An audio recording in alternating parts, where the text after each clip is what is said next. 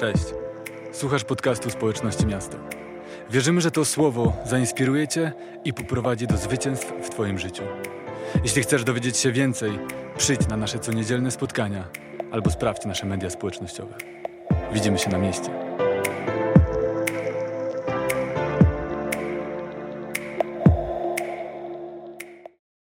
Zaczynamy nową serię zatytułowaną Cała chwała. Ja. Cała chwała. Seria, która będzie traktowała o uwielbieniu. e, O uwielbieniu. I dzisiaj chciałbym położyć pewien fundament. Położyć pewien fundament, bo będziemy szli coraz głębiej i głębiej w tej serii w temacie uwielbienia. Ale dzisiaj chcę położyć fundament i dać taką szeroką perspektywę, która mam nadzieję zainspiruje i sprawi, że my wszyscy będziemy chcieli, będziemy chcieli, że tak powiem, utożsamimy się z tematem uwielbienia. Będziemy chcieli e, zgłębiać temat uwielbienia. E, To jest cel tego kazania i kazanie zatytułowałem Przed muzyką. Przed muzyką, przed muzyką uwielbienia, jak możecie się domyślić. I chciałem zacząć od tego, że e, z, zrobiłem sobie research i okazuje się, że antropolodzy, ludzie, którzy badają naturę człowieka, po prostu człowieka, zauważyli, że potrzeba oddawania czci jest potrzebą, wewnętrzną potrzebą, która jest wspólna wszystkim ludziom. To jest bardzo ciekawe. Że wszyscy ludzie mają w sobie potrzebę oddawania czci. Myślę sobie o tym, że oczywiście jest to założenie chrześcijańskie, które zakłada, że Bóg jest stwórcą człowieka, że to jest niezwykłe, ponieważ Bóg to potwierdza to, że Bóg wszczepił tę potrzebę w cząstkę naszego istnienia, w to, kim my jesteśmy. Potrzebę oddawania chwały, potrzebę oddawania czci, potrzebę uwielbienia. To jest naturalna potrzeba człowieka, która dla wielu jest nieuświadomiona. To jest dla wielu nieuświadomiona ta potrzeba trwania w bliskości z Bogiem. Jednak każdy człowiek ma tę potrzebę. Jak to jest? Każdy człowiek ma tę potrzebę, ale nie każdy jest wierzący. No właśnie, jeżeli ta potrzeba jest nieuświadomiona, to będziesz znajdował różne substytuty, którym będziesz oddawał cześć i będziesz spełniał i wypełniał tę potrzebę. I przygotowałem parę zdjęć, które chciałem wam pokazać. Może teraz się udaje wyświetlić. O. To są ludzie, którzy od, jakby realizują swoją wewnętrzną potrzebę uwielbienia i chwały. Następne zdjęcie na przykład żeby były różne. To jest potrzeba nawet w młodych ludziach, jak widać na tym zdjęciu. I jeszcze jedno zdjęcie. Ja jestem fanem piłki nożnej Premier League, więc po prostu wziąłem e, z meczów Premier League e, kilka zdjęć. Zobaczcie, gdyby teraz e, trochę zmienić te barwy albo pokazać szerszy kontekst, na którym nie byłoby boisko, ale byłoby jakaś scena, jakiś krzyż, podłożyć muzykę uwielbienia, można powiedzieć, ci ludzie są na uwielbieniu. Ci ludzie są na uwielbieniu. Zawsze pojawiają się, nawet tak jak w kościele, tak samo na stadionie, nie wiem czy widzicie w środku, pojawiają się tacy melancholicy, którzy mówią, ja nie muszę podnosić rąk. Oni są ponad to. Słuchajcie, dobrze, chciałem pokazać te zdjęcia, ponieważ dla mnie jest to potwierdzenie tego, że po prostu każdy człowiek ma w sobie potrzebę tego, żeby oddawać chwałę, żeby przeżywać pewną, pewne uniesienie, że pewną ekscytację. I myślę sobie, że na przykład mecze Premier League i w ogóle mecze piłkarskie i kibice, y, czy piłkarscy, czy siatkarscy, jakiejkolwiek dyscyplinie sportu, przeżywają to i realizują tę wewnętrzną potrzebę tego, aby czcić, czcić piłkarzy, zagrania wspaniałe, te emocje, to w te, te wielki stadion po prostu uwielbiają, ale ludzie ro- robią na różny sposób. Nie każdy jest sportowcem. Na przykład idą na koncert. Na koncercie też realizują tę wewnętrzną potrzebę. Niektórzy idą na spacer i patrzą na morze i też tam zachwycają się i oddają cześć. Nie wiedzą do końca czemu, ale czemuś od, oddają tę cześć. Dlaczego? Bo każdy człowiek, i to nie jest tylko chrześcijańskie założenie, ale jest to naukowe, ma wewnętrzną potrzebę oddawania czci i uwielbienia. Bóg tak nas stworzył. Bóg wszczepił w nas tę potrzebę. Dlaczego to zrobił? Jezus odpowiada na to pytanie. Jana 4 rozdział, 23 werset. Czytamy, Jezus mówi, lecz nadchodzi godzina, a właściwie nadeszła, gdy prawdziwi czciciele będą czcili Ojca w duchu i w prawdzie. I uwaga, takich właśnie czcicieli Ojciec sobie szuka. Nasz Bóg szuka tych, którzy będą oddawali Mu chwałę, tych, którzy będą czcili Go. Nie jest tak, że no, może niektórzy będą, niektórzy nie będą. Bóg stworzył nas i wszczepił w nas tę potrzebę trwania w bliskości, w relacji miłości i uwielbienia. I On teraz szuka tych, którzy będą nie znajdowali sobie substytutów uwielbienia i czczenia, ale będą chcieli Jemu oddawać chwałę w duchu i w prawdzie. Bóg szuka ludzi uwielbienia. Bóg szuka ludzi uwielbienia. Szuka Ciebie i szuka mnie. I teraz chcę Wam powiedzieć, że kiedy mówimy uwielbienie, bardzo często mamy skojarzenia pewne. Skojarzenia związane ze sceną, z instrumentami, z muzyką uwielbienia. Bardzo często jest tak, że używamy pewnego uproszczenia, w którym mówimy, najpierw jest uwielbienie, później jest kazanie. Ja również używam czasem tego uproszczenia. E, I oczywiście robimy to, ponieważ tak e, szybciej nam się mówi jakby jest to pewien skrót myślowy, aczkolwiek ten skrót myślowy, kiedy utwierdzi się i pomnożymy to razy 20 lat, może się okazać, że znowu zaczynamy tracić esencję tego, czym jest uwielbienie, ponieważ nie powinniśmy mówić o nabożeństwie, że jest uwielbienie, a potem jest kazanie. Uwielbienie składa się z części muzycznej, z części słowa, z kolekty, z części relacyjnej i każda z tych części powinna być uwielbieniem. I każda z tych części powinna być uwielbieniem. Zobaczcie, jeśli uwielbienie zamykałoby się w temacie muzyki, to wszyscy nieumuzykalnieni nie mogliby być chwalcami. Nie mogliby wielbić Boga. A Jezus, kiedy mówi o tym, że szuka, Bóg, Jego Ojciec szuka czcicieli, którzy będą Go uwielbiali w duchu i w prawdzie, nie mówi, ale tylko ci, którzy jeszcze mają talent muzyczny, ale mówi po prostu szukam ludzi chwały. Bóg wszczepił te pragnienie w każdego, nie tylko w tych, którzy mają talent muzyczny. Muzyka uwielbienia jest bardzo ważnym i pięknym elementem uwielbienia. Jest niezwykłą formą uwielbienia, która jest szczególna i jest w szczególny sposób opisywana w Słowie Bożym.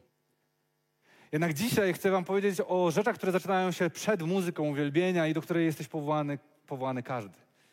Bez względu na, swoje talent, na swój talent muzyczny. Musimy złapać tę szerszą perspektywę i chcę dzisiaj Ci powiedzieć, możesz to sobie zapisać, a jak nie zapiszesz, to sobie to zapisz w swoim sercu, że uwielbienie nie jest częścią Twojego życia, ale jest jego całością. Uwielbienie nie jest częścią Twojego życia, ale jest jego całością. Uwielbienie jest stanem serca i two, stanem Twojego ducha, który trwa w miłości, w adoracji, w fascynacji, w zapatrzeniu w Twojego Stwórcę. To jest nasze, to powinno być nasze życie. To nie być tylko moment, jestem wpatrzony w Boga, kiedy stoję na uwielbieniu i wtedy wyznaję Mu moją miłość. Nasze życie ma wyznawać Mu miłość. Nasze życie ma być fascynacją i ekscytacją Bogiem, naszym Stwórcą. Uwielbienie nie jest częścią, ale jest całością naszego życia. I zobaczcie, w psalmie 113, trzecim wersecie czytamy od wschodu słońca aż po jego zachód, niech imię Pana będzie uwielbione. W psalmie 105, czwartym wersecie czytamy Szukajcie Pana i Jego mocy, szukajcie Jego oblicza nieprzerwanie. I wiecie, oczywiście są takie inicjatywy uwielbienie 24 godziny albo uwielbienie 24 na 7 w jakimś jednym miejscu, ale choćbyśmy zrobili to w jednym, w drugim, trzecim miejscu, nie jesteśmy w stanie zrobić tego wszędzie. Choćbyś ty uwielbiał przez 5 godzin, to nie jesteś w stanie uwielbiać przez 24 godziny, śpiewając, czy grając, czy po prostu słuchając tylko uwielbienia. Musisz iść, ugotować sobie coś, musisz iść się wykąpać, musisz iść się, za, iść się załatwić, musisz iść zrobić przelew internetowy, musisz to wszystko zrobić. Twoje życie nie jest tylko śpiewaniem i graniem i tym uwielbieniem, a jednocześnie Twoje życie ma być uwielbieniem. Więc jak to wszystko połączyć? Dzisiaj jest, jesteśmy tutaj po to, żeby sobie na to odpowiedzieć. I oczywiście bardzo dobrze jest im więcej uwielbienia muzycznego, modlitewnego w Twoim życiu, ale nie jesteś w stanie robić tego nie nieprzerwanie, a z drugiej strony Biblia mówi, żebyś robił to nieprzerwanie. Uwielbienie nie jest częścią naszego życia, ale jest całością. W Psalmie 73 czytamy: Naszym szczęściem jest być blisko Boga, jest być w bliskości, w intymnej relacji z Nim. Zawsze, nie tylko w momencie nabożeństwa.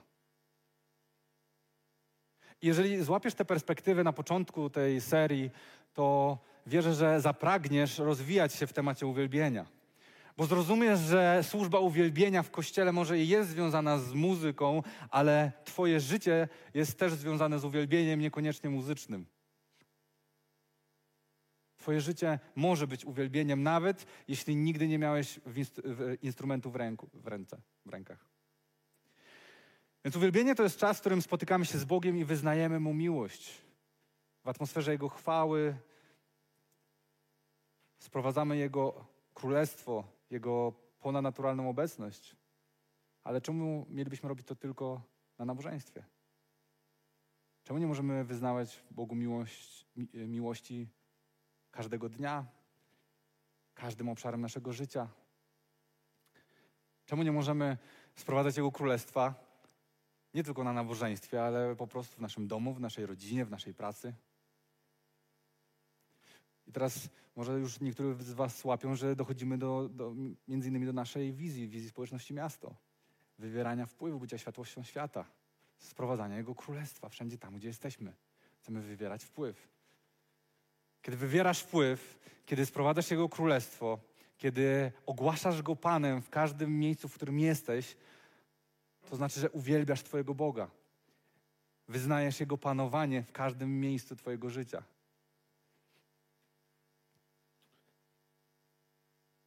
A więc uwielbienie jest zarówno tym szczególnym czasem muzycznego uwielbienia, modlitewnego uwielbienia, kiedy oddajemy się e, właśnie tym, tej praktyce, tem, temu, tej modlitwie po prostu muzycznej uwielbienia, ale jest też Twoją codziennością i ma być Twoją codziennością. Zobaczcie, apostoł Paweł nas do tego zachęca. W pierwszym liście do Koryntian 10:31 on pisze tak: A zatem cokolwiek jecie lub pijecie, albo cokolwiek czynicie, albo cokolwiek czynicie, wszystko to czyńcie na chwałę Boga. Cokolwiek czynicie, czyńcie to na chwałę Boga, a więc uwielbijcie tym Boga. Oddajcie chwałę Bogu. Kolosan 3:23. Cokolwiek czynicie, czyńcie z głębi duszy, tak właśnie jak dla Pana, a nie dla ludzi. Cokolwiek czynisz, czyń to jak dla Pana. To znaczy, zarówno módl się tutaj na nabożeństwie tak jak dla Pana, nie jak dla ludzi, ale również tak samo pracuj, jak dla Pana, a nie jak dla ludzi. Tak samo buduj swoją relację, tak jakbyś po prostu chciał uwielbić tym Boga, swoje relacje z innymi ludźmi. Twoje finanse, one mogą uwielbiać Boga. Twoje podejście do pieniędzy, ono może uwielbiać Boga. Ono ma uwielbiać Boga. Wszystko w naszym życiu ma uwielbiać Boga. Uwielbienie zaczyna się dużo wcześniej niż muzyka uwielbienia i chcę Ci powiedzieć, y, porównać to do czegoś, co może pozwolić Ci zapamiętać tę perspektywę. Uwielbienie jest jak brylant. Z dwóch powodów. Po pierwsze, dlatego, że brylant ma wielką, wielką wartość i uwielbienie również ma wielką wartość. Uwielbienie ma wielką wartość, bo uwielbienie jest pewnym fundamentem, na którym budujesz wszystkie inne tematy. Bo ja teraz Tobie mówię na przykład, no, Twoje finanse mogą uwielbiać Boga, twoje, e, Twoja praca, Twoje relacje, Twoja rodzina. No i tak możesz powiedzieć, no ale co to właściwie, co to właściwie znaczy? No i teraz dochodzimy do sedna, że jeśli uwielbienie jest fundamentem, to potem z tego wychodzą wszystkie inne części tej budowli, tej świątyni, czyli na przykład temat finansów, temat relacji, temat służby, temat powołania. I nie da się tego teraz w jednym kazaniu powiedzieć, jak Twoje relacje mają uwielbiać Boga, jak Twoje finanse. To są te wszystkie serie, które były, które były przez minione lata w kościele. Bo właśnie z uwielbienia one mają wynikać. Z tego, że Twoje życie uwielbia Boga. Jeśli chcesz wiedzieć, jak Twoje finanse mają uwielbiać Boga, no to czytaj Słowo i zobacz, co Bóg mówi o tym, czego chce, jakiego chce Twojego podejścia do finansów. Mamy o tym serię, tłumaczymy to. Jeżeli chcesz zrozumieć, jak twoje, twoje, twoje relacje mogą uwielbiać Boga, no to jest całe, całe seria o budowaniu relacji. I wtedy będziesz wiedział, jak uwielbić Boga w tych relacjach. Jeżeli chcesz wiedzieć, jak Twoja służba ma uwielbiać Boga, no to tak samo seria o służbie i będziesz wiedział, jak uwielbić Boga. A więc to ma wielką, uwielbienie ma wielką wartość, bo jeśli spojrzymy na to w tym kontekście, okazuje się, że uwielbienie jest fundamentem, na którym budujesz wszystko w Twoim życiu. A więc po pierwsze, uwielbienie jest jak brylant, ponieważ ma wielką wartość. Po drugie, tak jak brylant, uwielbienie ma wiele płaszczyzn. Ma wiele płaszczyzn. To nie jest tak, że jakiś kwadracik to ma bardzo wiele różnych płaszczyzn. I ten i tak samo jest z uwielbieniem. Uwielbienie ma wiele płaszczyzn muzyczną, właśnie relacyjną. To jest wiele różnych obszarów Twojego życia, które mogą być uwielbieniem i które mają być uwielbieniem. I co jest ciekawe, będziesz odkrywał różne obszary w Twoim życiu, które i one będą się różniły od innych. Inni będą mieli jakieś tematy w swoim życiu, jakieś kierunek, może właśnie budowanie rodziny, a może ty będziesz singlem, może twoim powinien jest bycie singlem, ale w tym też możesz znaleźć swoją drogę do tego, aby, aby uwielbiać Boga, a ten, kto ma rodzinę, on znajdzie w tym swoje miejsce, aby uwielbiać Boga. To ma wiele płaszczyzn, wiele wymiarów, nie jesteśmy w stanie tego zamknąć i nie mamy tego zamykać i mówić, tak się uwielbia Boga, a tak się nie uwielbia Boga. Boga możesz uwielbiać na wiele różnych sposobów, na wielu różnych płaszczyznach. On jest stwórcą, on jest, on jest kreatorem naszym, więc i my mamy być kreatywni, kreatywni w oddawaniu Mu chwały i w uwielbianiu Go. A więc uwielbienie jest jak brylant. Wszystko, co robimy, ma Go uwielbiać. I tak jak w tym w wersecie wizyjnym Mateusza 5 rozdziale jest, czytamy o tym, że mamy być miastem położonym na górze i światłością świata. I w 16 wersecie Jezus mówi tak, niech i wasze światło świeci wobec wszystkich. Niech ludzie zobaczą wasze szlachetne czyny i co robią? Wielbią waszego Ojca w niebie. To znaczy ludzie mają widzieć, że twoje życie jest uwielbieniem, twoje życie oddaje Bogu chwałę na każdej płaszczyźnie, patrzą na twoje życie, na twoje światło, na twoje świadectwo i mówią, ja też chcę to robić. Ja też chcę uwielbić Boga. Ja też chcę, żeby moje życie uwielbiło Boga. Amen? Dziękuję, Ania. Niech Twoje życie uwielbia Boga. I teraz musimy dojść do pewnego bardzo ważnego prze przekonania, żeby, żebyśmy mogli naprawdę zrozumieć, że nasze życie ma być uwielbieniem i naprawdę pragnąć tego. Musimy bardzo jasno zdefiniować sobie, kim my jesteśmy i kim jest Bóg w naszym życiu. Bo jeśli tego nie zdefiniujemy, to wtedy będziemy cały czas w jakimś zamieszaniu na temat tego, czym jest uwielbienie i co to jest znaczy, że mam żyć życiem, które jest uwielbieniem, co to jest życie uwielbieniem. Musimy to sobie zdefiniować. Po pierwsze, musimy jasno przyjąć, że Bóg jest naszym stwórcą i On jest stwórcą naszej egzystencji. Jeśli tego nie ma, to jest cały czas taka jakaś, jakieś takie połączenie między dwoma istotami, czy będziemy współpracować, czy nie będziemy współpracować, ale i, i, wtedy takie jest pytanie, po co uwielbiać? No może nie trzeba uwielbiać, może trzeba, może jak mam dobry, jak mi się podoba to, co robi Bóg, to będę go uwielbiał, jak mi się nie podoba, to nie będę. Ale jeśli przyjmiesz pierwsze założenie, Bóg jest tym, który jest twórcą mojej egzystencji i On stworzył mnie z jakimś zamiarem, wtedy sprawa się, się dużo bardziej wyjaśnia. Wtedy po prostu samo to, że jest Twoim stwórcą, jest powodem do tego, żeby, żeby go uwielbiać. Wczoraj y, Paulina robiła grafiki y, do, do, do, naszego kościoła wieczorem. No i tak do tego mieliśmy coś sobie włączyć na Netflixie. Był jakiś taki nowy film, jakaś komedia, która y, coś tam o Dzień Matki. Traktuje o matkach, które tam jakiś taki mają syndrom pustego gniazda, tęsknią za swoimi dorosłymi synami. I mają takie, że na Dzień Matki jadą do, do swoich synów, nie? Taką jakąś misję. Taki zwiastun tylko obejrzeliśmy. E, ale w tym zwiastunie było coś ciekawego, bo one pojechały do tych synów i no i ci synowie ogólnie tam się odcięli tak od tych matek i nie za bardzo się interesowali i e, one mówią, czemu się nie odzywasz, ta jedna do tego swojego syna, czemu się nie odzywasz? A on mówi, przecież ci wysłałem SMS-a na swoim, czemu masz pretensje? Wysłałem ci SMS-a, on mówi, a ja ciebie urodziłam! Mógłbyś okazać więcej zainteresowania. I tak sobie pomyślałem właśnie a propos tego relacji stworzenie i stwórca, że my czasem mówimy, no czy ja mam uwielbiać mojego stwórcę, no właśnie, czy, czy, czy Bóg zrobił tyle dla mojego życia, dla, dla mnie, żeby Go uwielbiać? I wtedy tak sobie wyobrażam, że Bóg stoi nad, nad nami i mówi, ja was stworzyłem. Chociażby to jest powód dobry, żeby uwielbiać. Ja was stworzyłem. My czasem właśnie się zastanawiamy, czy wysłać tego uwielbieniowego SMS-a Bogu, a wtedy Bóg mógłby nam odpowiedzieć, wiesz co, stworzyłem cię, wyślij się trochę bardziej. Wyślij się trochę bardziej.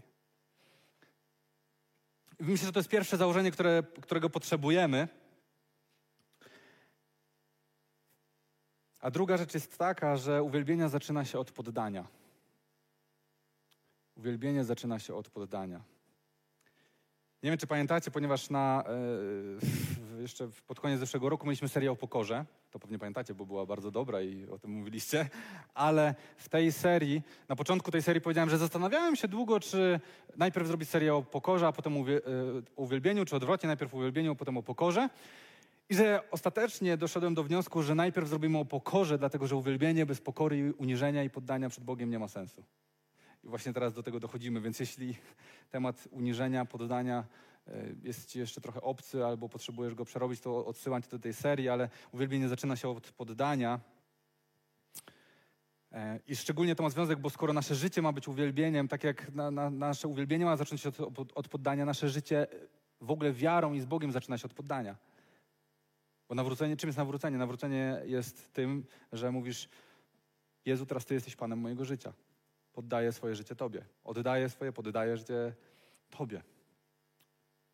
I od tego momentu, kiedy przyjąłeś usprawiedliwienie i łaskę Boga, twoje życie może zacząć być uwielbieniem. Bez tego nie ma przecież opcji, nie ma duchowego życia, nie ma życia chrześcijańskiego bez oddania życia Jezusowi, bez poddania swojego życia Jezusowi.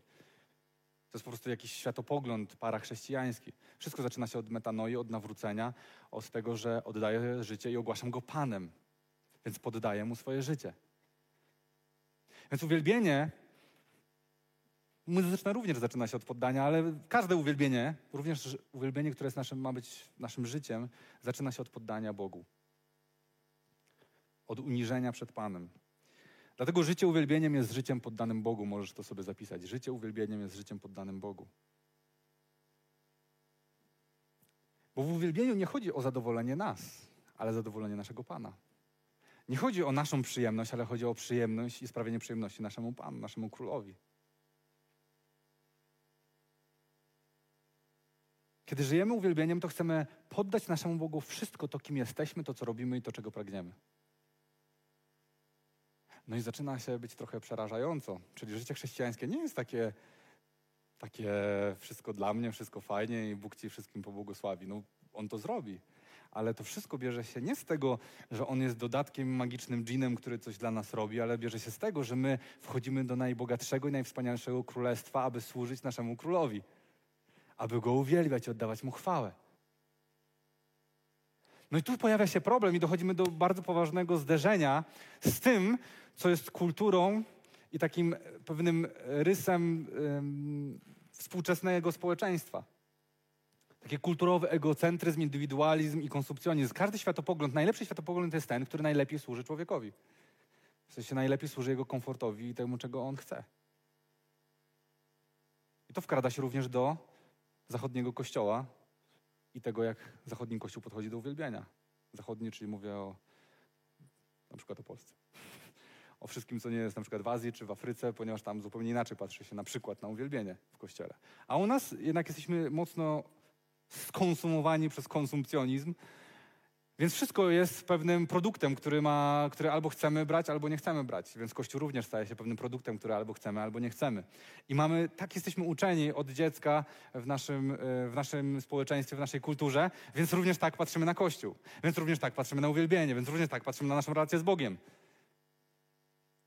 I okazuje się, że jeśli uwielbienie służy mi, a więc buduje moje emocje, jest dla mnie zadowalające, jest fajne, mówię o muzycznym. Jeśli moje życie z Bogiem jest dla mnie przyjemne, komfortowe, rozwija mnie, daje mi coraz więcej różnych dóbr, które mi się podobają, wtedy lubię chrześcijaństwo i jest dobrym chrześcijaństwem. Moje życie może być uwielbieniem w takim wymiarze.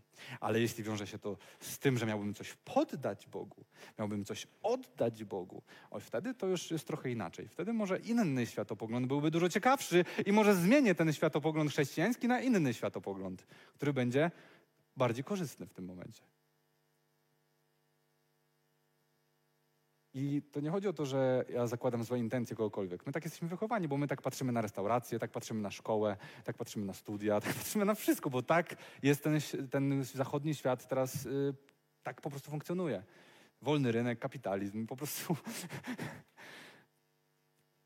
Więc i w tym kościele jest takie uwielbienie, jest fajne, ale w tym jest lepsze, bo mają perkusję. A w tym miasto, miasto, miasto dzieci, w tym służba dzieci ma taką salę, a w tym ma taką, ale tutaj mają gąbki, basen z piłeczkami. No to moje dziecko będzie lepiej się bawiło w tym basenie. Więc pójdę do tego kościoła. Więc ogólnie no to nie jest jakieś duchowe rozeznanie, jakieś powołanie do służby, jakiejś misji, tylko bardziej wybieram między różnymi y, kotletami w McDonaldzie.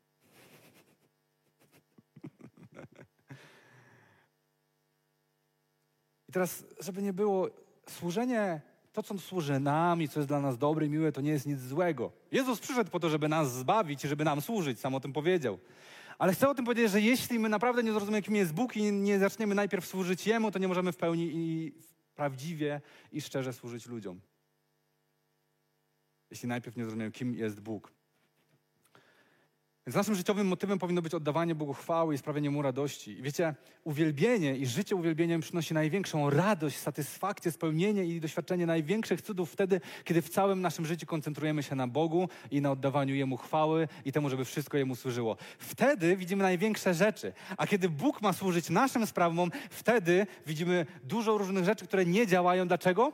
Bo Bóg pysznym się przeciwstawia, a pokornym daje łaskę. Tak sam powiedział w swoim słowie i to była cała seria i to się wiąże, uwielbienie wiąże się z pokorą, bo uwielbienie zaczyna się od poddania.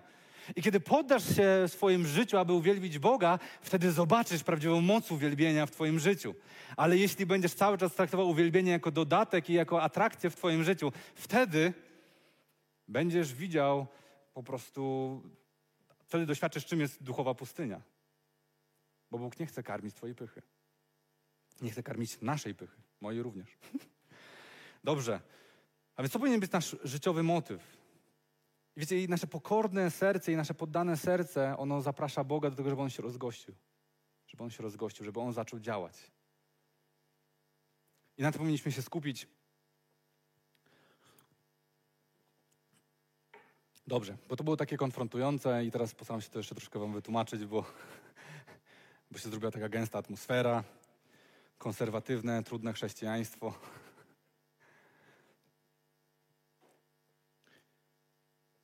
Pozdanie to jest takie słowo, które nie jest dobrze kojarzone w dzisiejszych czasach. Poddanie wiąże się z jakimiś ograniczeniami, z niewolą, z opresją. Zwycięstwo to jest słowo, które lubimy. Jesteś zwycięzcą. Nie jesteś poddanym, jesteś zwycięzcą. Wolimy słowo zwycięstwo. Ale jednak uwielbienie nie zaczyna się od zwycięstwa, zaczyna się od poddania. Wiecie, dlatego, że my jesteśmy bardzo karmieni takim narracją sukcesu, narracją zwycięstwa, narracją dobrobytu, to przez to mamy, kiedy słyszymy o poddaniu w Kościele, to pojawia się w nas lęk. Pojawia się w nas lęk tego, że zostaniemy ograniczeni w swoich marzeniach, w swoich pragnieniach. Nasza wolność zostanie nam odebrana. Że Kościół jest opresyjny, Kościół jest kaftanem bezpieczeństwa dla tych, którzy nie potrafią sami się odnaleźć w swoim życiu. To właśnie słyszymy. I to dlatego właśnie, że słyszymy takie słowa jak poddanie w kościele, jak uniżenie, jak oddawanie chwały królowi i naszemu Panu i bycie sługą. Więc obawiamy się, że życie poddane Bogu i w uwielbieniu dla Boga będzie ograniczające i że nasze uwielbienie, nasze życie, życie które jest uwielbieniem, będzie ograniczało nas.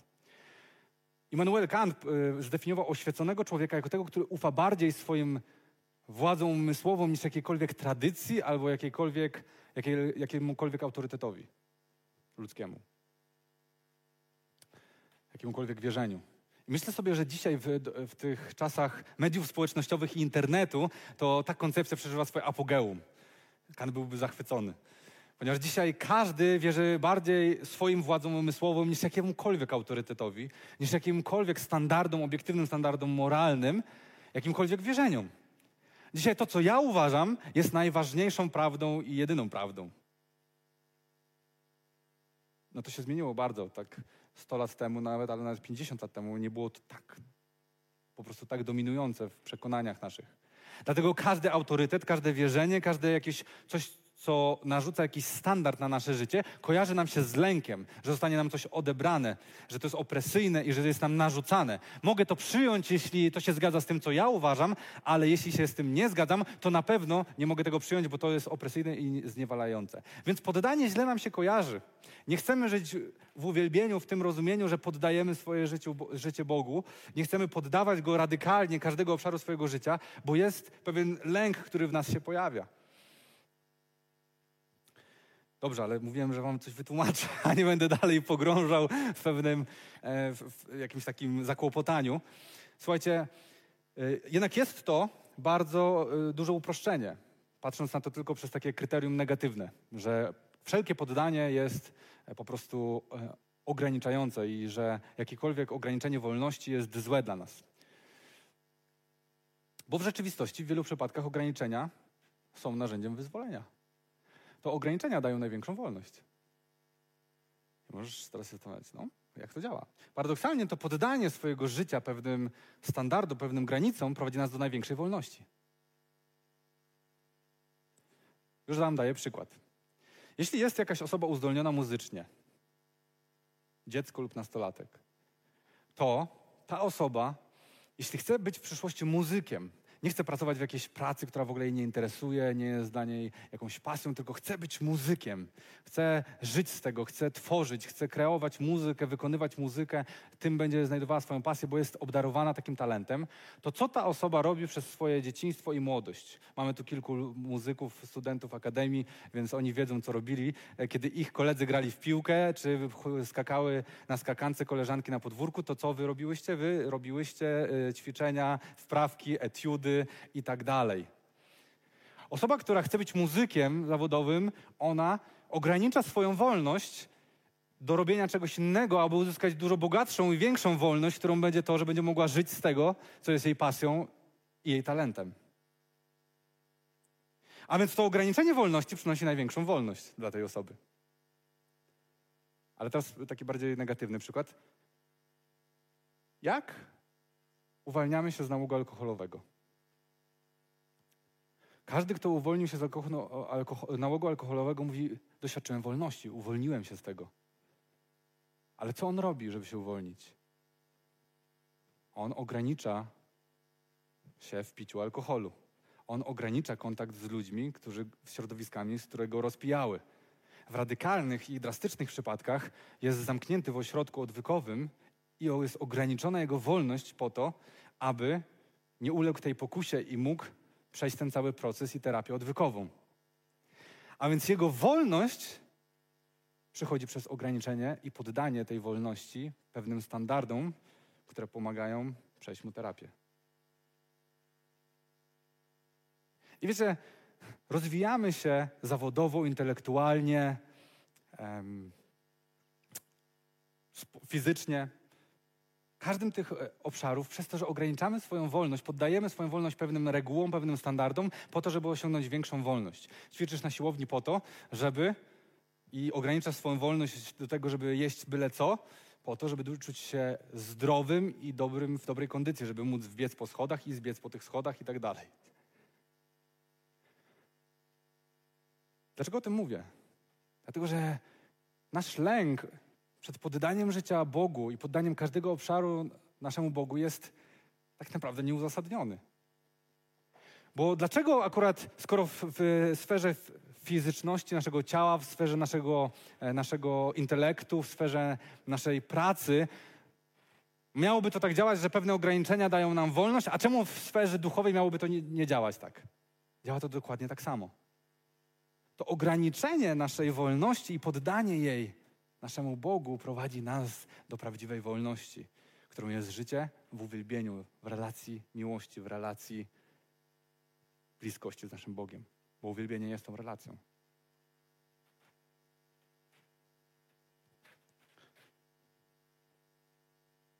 Jedynie ograniczając właśnie nasz egoizm i to, co ja chcę na rzecz tego, co jest miłe Bogu i służy Jemu, możemy doświadczyć i zasmakować tego, czym jest życie w uwielbieniu. Jedynie poddając nasze życie Bogu możemy tego doświadczyć. Początkiem uwielbienia jest poddanie. Poddanie swojego życia Bogu i, i sprawienie tego, co Jemu daje przyjemność, ponieważ wtedy doświadczamy prawdziwej wolności, bo poddanie się Bogu jest prawdziwą wolnością.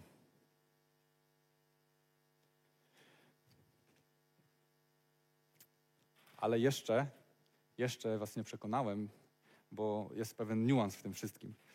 No bo możesz powiedzieć, dobrze, no może to i tak działa mniej więcej, ale czemu w ogóle... Ale czy na pewno poddanie się Bogu w uwielbieniu da mi wolność? Może właśnie nie. No i to jest słuszne pytanie, dlatego że nie każde ograniczenie naszej wolności z automatu daje nam wolność. Jak cię ktoś zamknie w więzieniu albo zamknie w pokoju bez klamek, to nie zawsze to powiedzmy będziesz czuł, że jesteś wolny. Będziesz może czuł się zniewolony. Na przykład, jeśli jesteś sobie, taki przykład sportowy na przykład, taki przykład na przykład.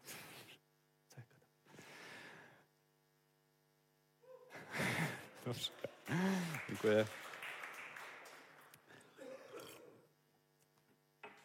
Jak masz, jesteś nastolatkiem, masz 165 cm wzrostu i 60 kg wagi, to choćbyś nie wiem, jak ograniczał swoją wolność i poddawał swoją wolność yy, po to, żeby trenować i zostać koszykarzem, to nie zostaniesz zawodowym koszykarzem. Bo choćbyś trenował dzień i noc, to nie urośniesz do dwóch metrów i nie będziesz po prostu miał warunków do tego, żeby być zawodowcem.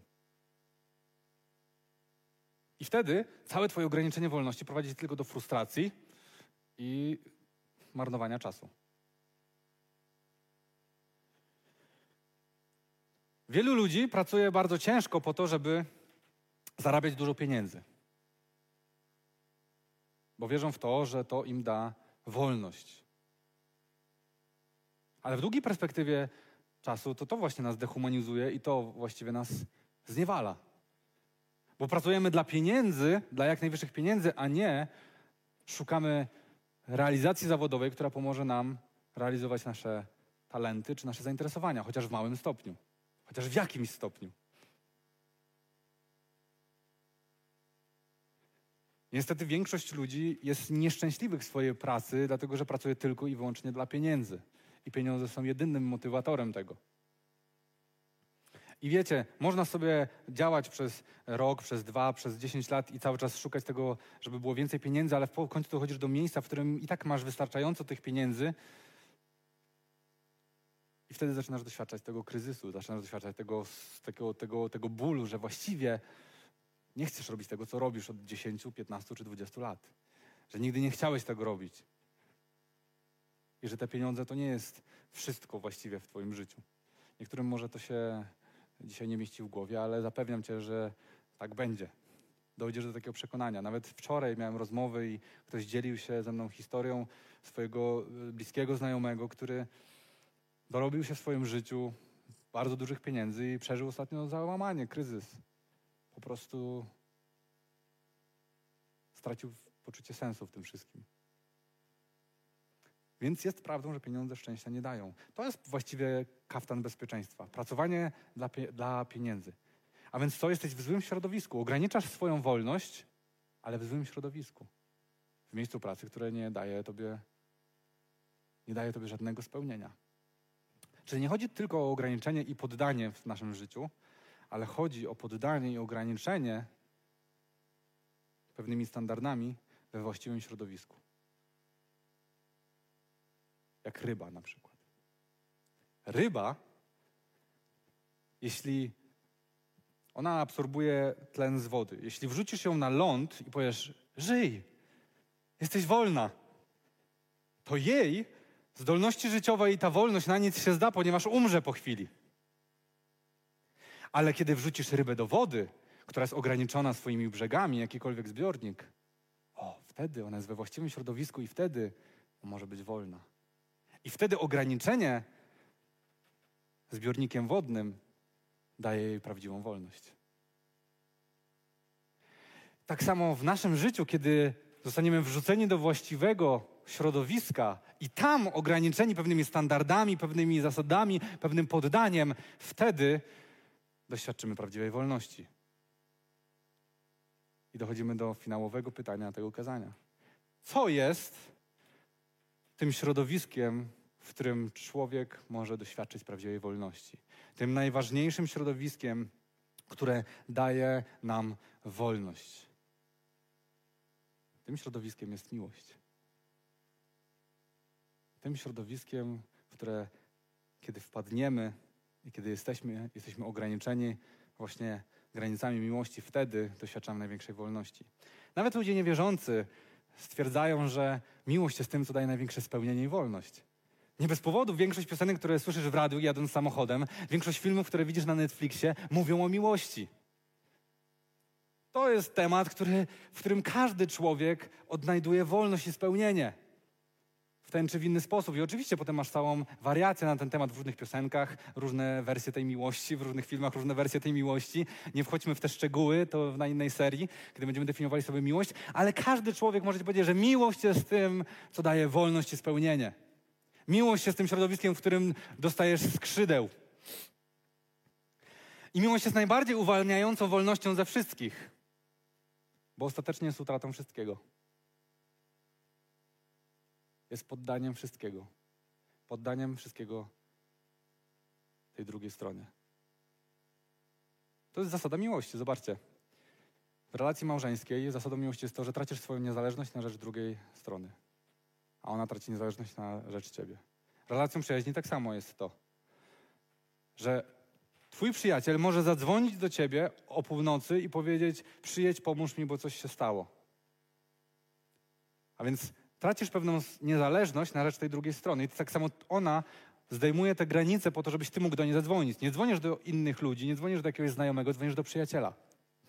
Tak samo no, w małżeństwie. Nie ma już ja, jest my. Właśnie na tym to polega. Jeśli w małżeństwo mówi jestem ja i ja, to to właśnie jest jakiś kontrakt, związek partnerski, w którym stwierdzamy, że żyjemy po to, żeby, nie wiem, razem wziąć kredyt na mieszkanie, ale właściwie jesteśmy dwoma jednostkami osobnymi. To nie jest koncepcja chrześcijańska. Koncepcja chrześcijańska jest przymierzem, jest jednością. Jesteśmy my, a nie ja. Rezygnujemy ze swojej niezależności. Nie chcę żyć już tylko ja sam dla siebie, ale chcę żyć w relacji z moją żoną, z moim mężem, tak? Miłość jest najbardziej uwalniającą wolnością, ponieważ jest ostatecznie stratą wszystkiego. I aby miłość była obopólna, obie strony muszą utracić tę niezależność.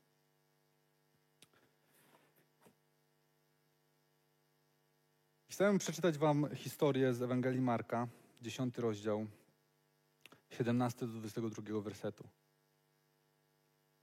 Bo to, to jest historia, która bardziej my ją kojarzymy z pieniędzmi, może z jakimś takim nawróceniem, z, właśnie z prawem, a łaska, prawo, a łaska, prawo, jakieś takie różne mamy, różne skojarzenia. A ja im dłużej szykowałem tę serię, ale też to kazanie szczególnie, to miałem takie przekonanie, to jest werset, który jest w ogóle kwintesencją wszystkiego.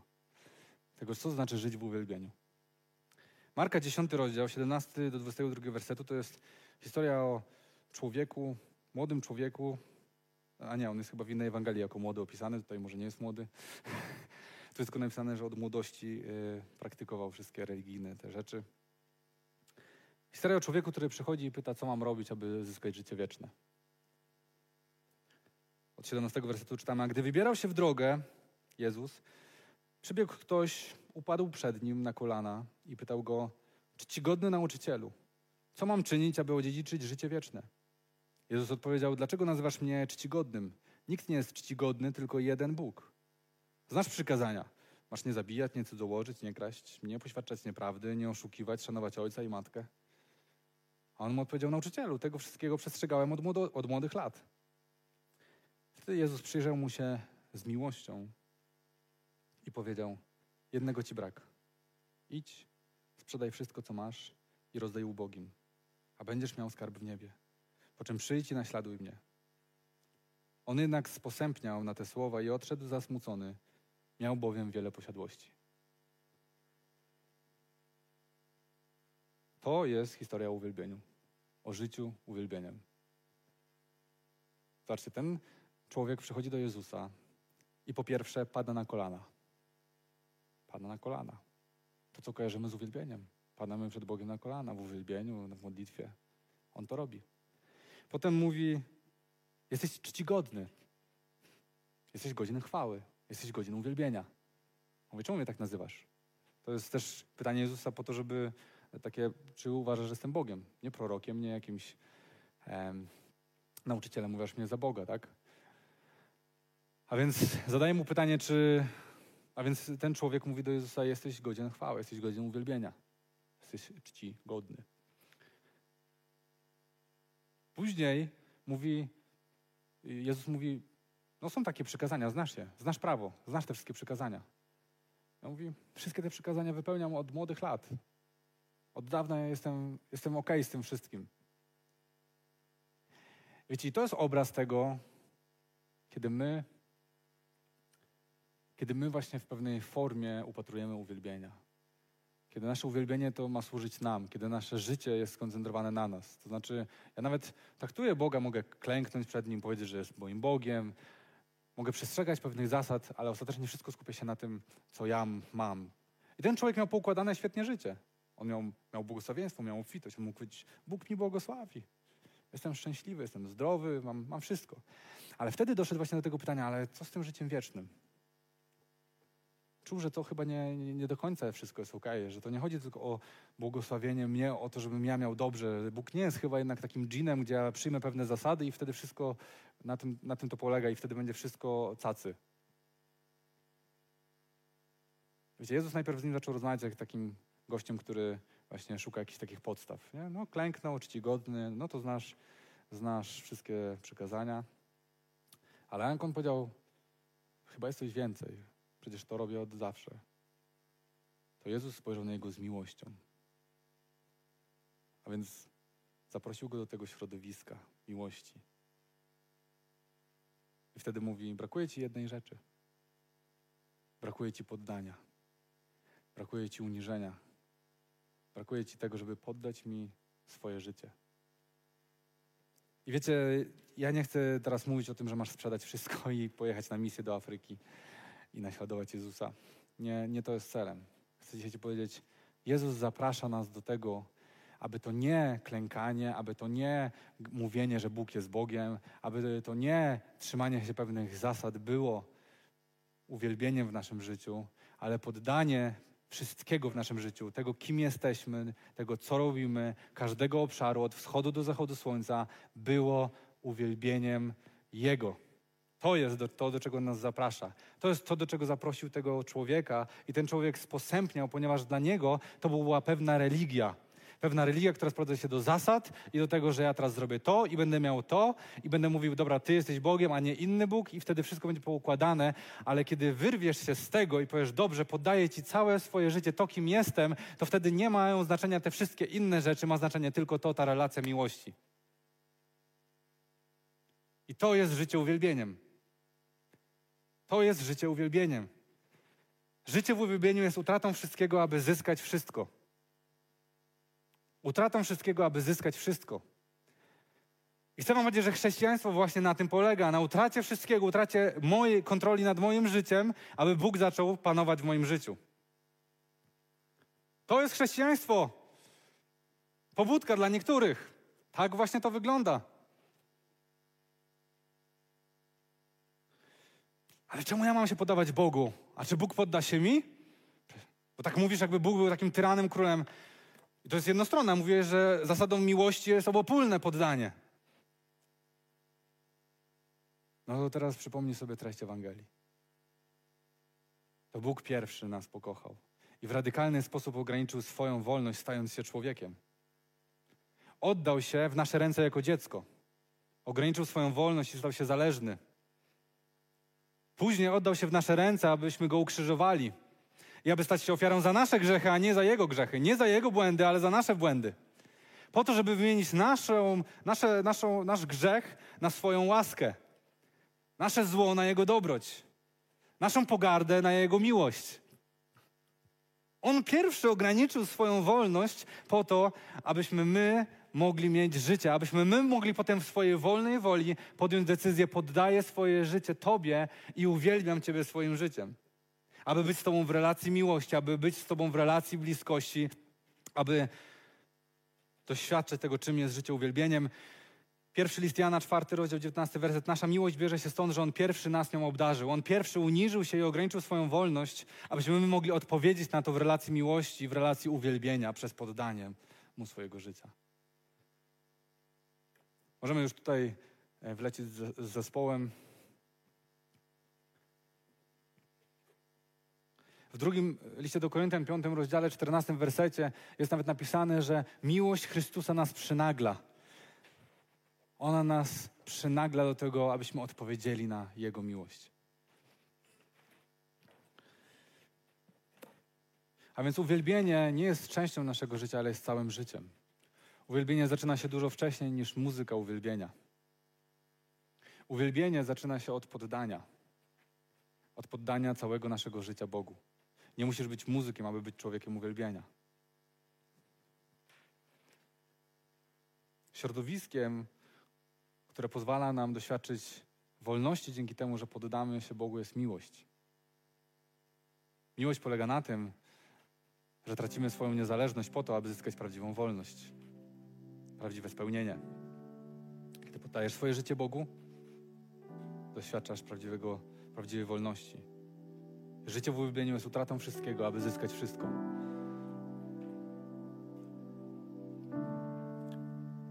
Kiedyś C.S. Lewis dostał takie pytanie. Czy łatwo jest kochać Boga? I odpowiedział: Łatwo dla tych, którzy to czynią. I tak właśnie jest. Dla tego człowieka, który przyszedł i zaczął pytać Jezusa o to, jak zyskać życie wieczne, to było bardzo trudne. Bo on jeszcze nie kochał. Bo on jeszcze nie zrozumiał tego, czym jest to środowisko miłości, czym jest miłość Boża. Dlatego on sposępniał i odszedł zasmucony. Nasza religijność i nasze życie w takim przyjmę zasady z serii o tym, z serii o tamtym. Przyjmę pokorę, postawę pokory, bo taka, takie są zasady biblijne i mi, mnie ich nauczyli. Wtedy będę miał błogosławieństwo, wtedy będę miał lepsze życie. Przyjmę przebaczenie i obdarzę przebaczeniem, bo wtedy będę miał lepsze życie. To ostatecznie doprowadzi nas do zasmucenia, bo to są te wszystkie serie, które wypływają z tej jednej serii, z tej jednej najważniejszego rzeczy uwielbienia. Wszystkie te tematy wypływają z uwielbienia. U tego człowieka z Ewangelii Marka, te wszystkie rzeczy, które on robił, to padanie na kolana, to mówienie czcigodny, to te zasady nie wypływały z uwielbienia. Nie wypływały z poddania Bogu. Z utraty swojej niezależności, z utraty kontroli i ogłoszenia Boga swoim Panem i swoim Królem. A więc oddania Mu chwały. I tak samo będzie w naszym życiu jeśli nasze życie nie będzie zaczynało się w uwielbieniu. Wszystko będzie dla nas trudne. Finanse, oddawanie finansów, hojność będzie dla nas trudna, podnoszenie rąk będzie dla nas trudne, padanie na kolana w uwielbieniu będzie dla nas trudne, regularna modlitwa będzie dla nas trudna, służenie innym ludziom będzie dla nas trudne. Wszystko będzie dla nas trudne i odejdziemy zasmuceni, odejdziemy od Boga, odejdziemy od wiary, odejdziemy od Kościoła, będziemy zasmuceni. Dlaczego? Dlatego, że to wszystko nie wypływa z uwielbienia. Łatwo jest kochać Boga dla tych, którzy to czynią. Więc dzisiaj, kiedy zaczynamy temat uwielbienia i tę całą serię, to zanim przejdziemy do wszystkich tematów praktykowania, śpiewania i tak dalej, kultury uwielbienia, musimy zacząć od tego, czy moje życie jest uwielbieniem. I czy pragnę tego, aby było uwielbieniem? Czy pragnę wielbić Boga swoim życiem, kochać Go swoim życiem? Czy naprawdę porusza mnie to, że On utracił swoją niezależność i to kim, to, kim jest, stał się człowiekiem po prostu i jeszcze pozwolił siebie zabić, abym ja miał życie? Czy to mnie porusza i to mnie przynagla, aby wielbić Go?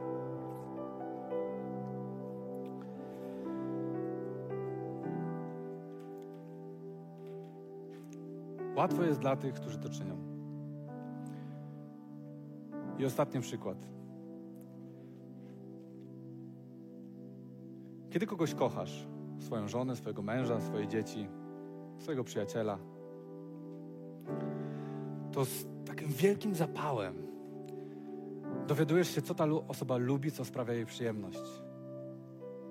Chcesz zrobić jej jakąś niespodziankę, chcesz, żeby ona ucieszyła się, chcesz, żeby ona była szczęśliwa. Dowiadujesz się i zapamiętujesz. Ona nie musi ci mówić, spraw mi przyjemność. Ona nie musi mówić, zrób coś miłego dla mnie na urodziny, albo po prostu zrób coś dla mnie miłego. Tylko ty dowiadujesz się, zapamiętujesz to, a później jesteś gotów ponosić koszty, jesteś gotów ponosić jakieś niewygody, e, rezygnujesz z komfortu po to, żeby zdobyć to dla tej osoby i dać jej to.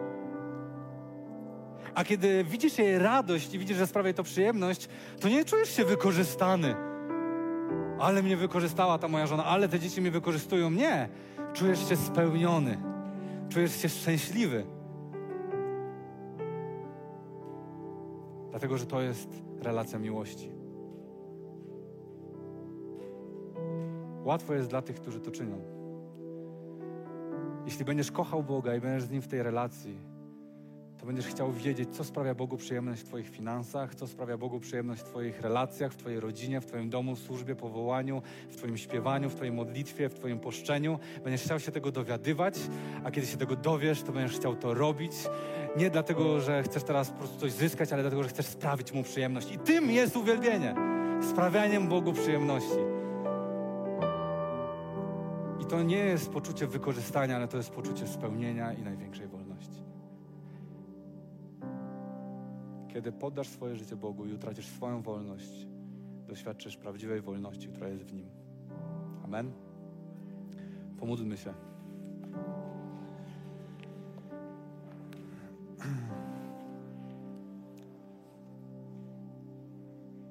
Boże, nie chcemy pustych gestów, postu, podniesionych rąk, odklepanych modlitw powtarzania chwała Bogu i chwała Panu, aleluja. jeśli za tym nie stoi nasze serce, jeśli za tym nie stoi nasza miłość do Ciebie. Boże, jeśli dzisiaj czuję się wykorzystany, sfrustrowany relacją z Tobą, życiem w Twojej wspólnocie Twojego Kościoła, to dzisiaj chcę zweryfikować to, co jest fundamentem, co jest pniem, co jest korzeniem. Czy jest nim uwielbienie? Czy jest nim pragnienie poddania się Tobie i ogłoszenia Ciebie królem? Czy fundamentem mojego życia jest miłość, relacja miłości z Tobą? Boże, nie chcemy iść dalej w tej serii, nie chcemy mówić o tych wszystkich rzeczach, jeśli nie będziemy mieli jasności co do tego tematu. Jeśli nie będziemy mieli tego przekonania, że uwielbienie jest tym, co jest fundamentem naszego życia. Dzisiaj modlę się o to, abyś posyłał w ponadnaturalny sposób swojego ducha, który będzie do nas przemawiał i który będzie pracował w naszych sercach i pracował z nami. Każdy z nas potrzebuje w czasie tego postu przemyśleć te sprawy, porozmawiać z Tobą, odnaleźć się w tym wszystkim. I wierzę, że to jest nadzieja dla każdego z nas, aby doświadczać tego cudu życia z Tobą, tego spełnienia i radości w życiu, które jest uwielbieniem Ciebie, w tej relacji miłości, ta radość ze sprawiania Tobie przyjemności, Boże. Niech tak będzie w imieniu Jezusa Chrystusa. Amen.